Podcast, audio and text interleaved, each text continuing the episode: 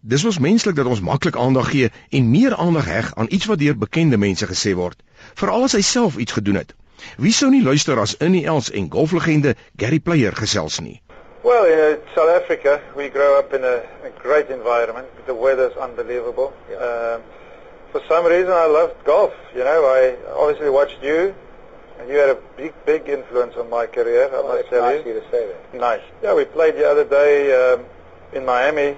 Uh, it's a World Championship event, and we had the second biggest uh, representation Yeah. of any other country. I think Australia had 10 for Yes. you know the players, and we had we were the second most with eight players. Yes.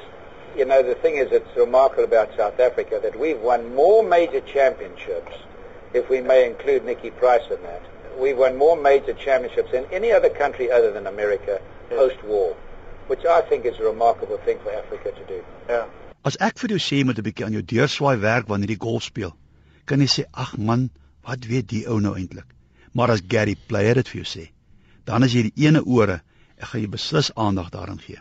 As ek vir jou sê hoe om jou motor beter te bestuur en te beheer, kan jy maklik sê, man ek bestuur al jare, wat wil jy my nou kom leer?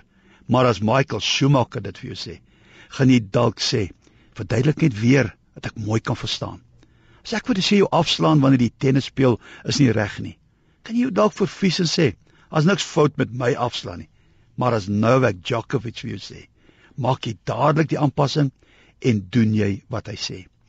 So hoe ons reageer hang alles af van wie dit vir ons sê. Paulus sê vir ons in 2 Korintiërs 4: Ons swaarkry op die oomblik is gering en tydelik, maar dit bewerk vir ons 'n heerlikheid wat alles verre weg oortref en vir altyd vas staan. Wat? Hoe kan hy vir my sê my swaar kry is gering en dit werk in my guns?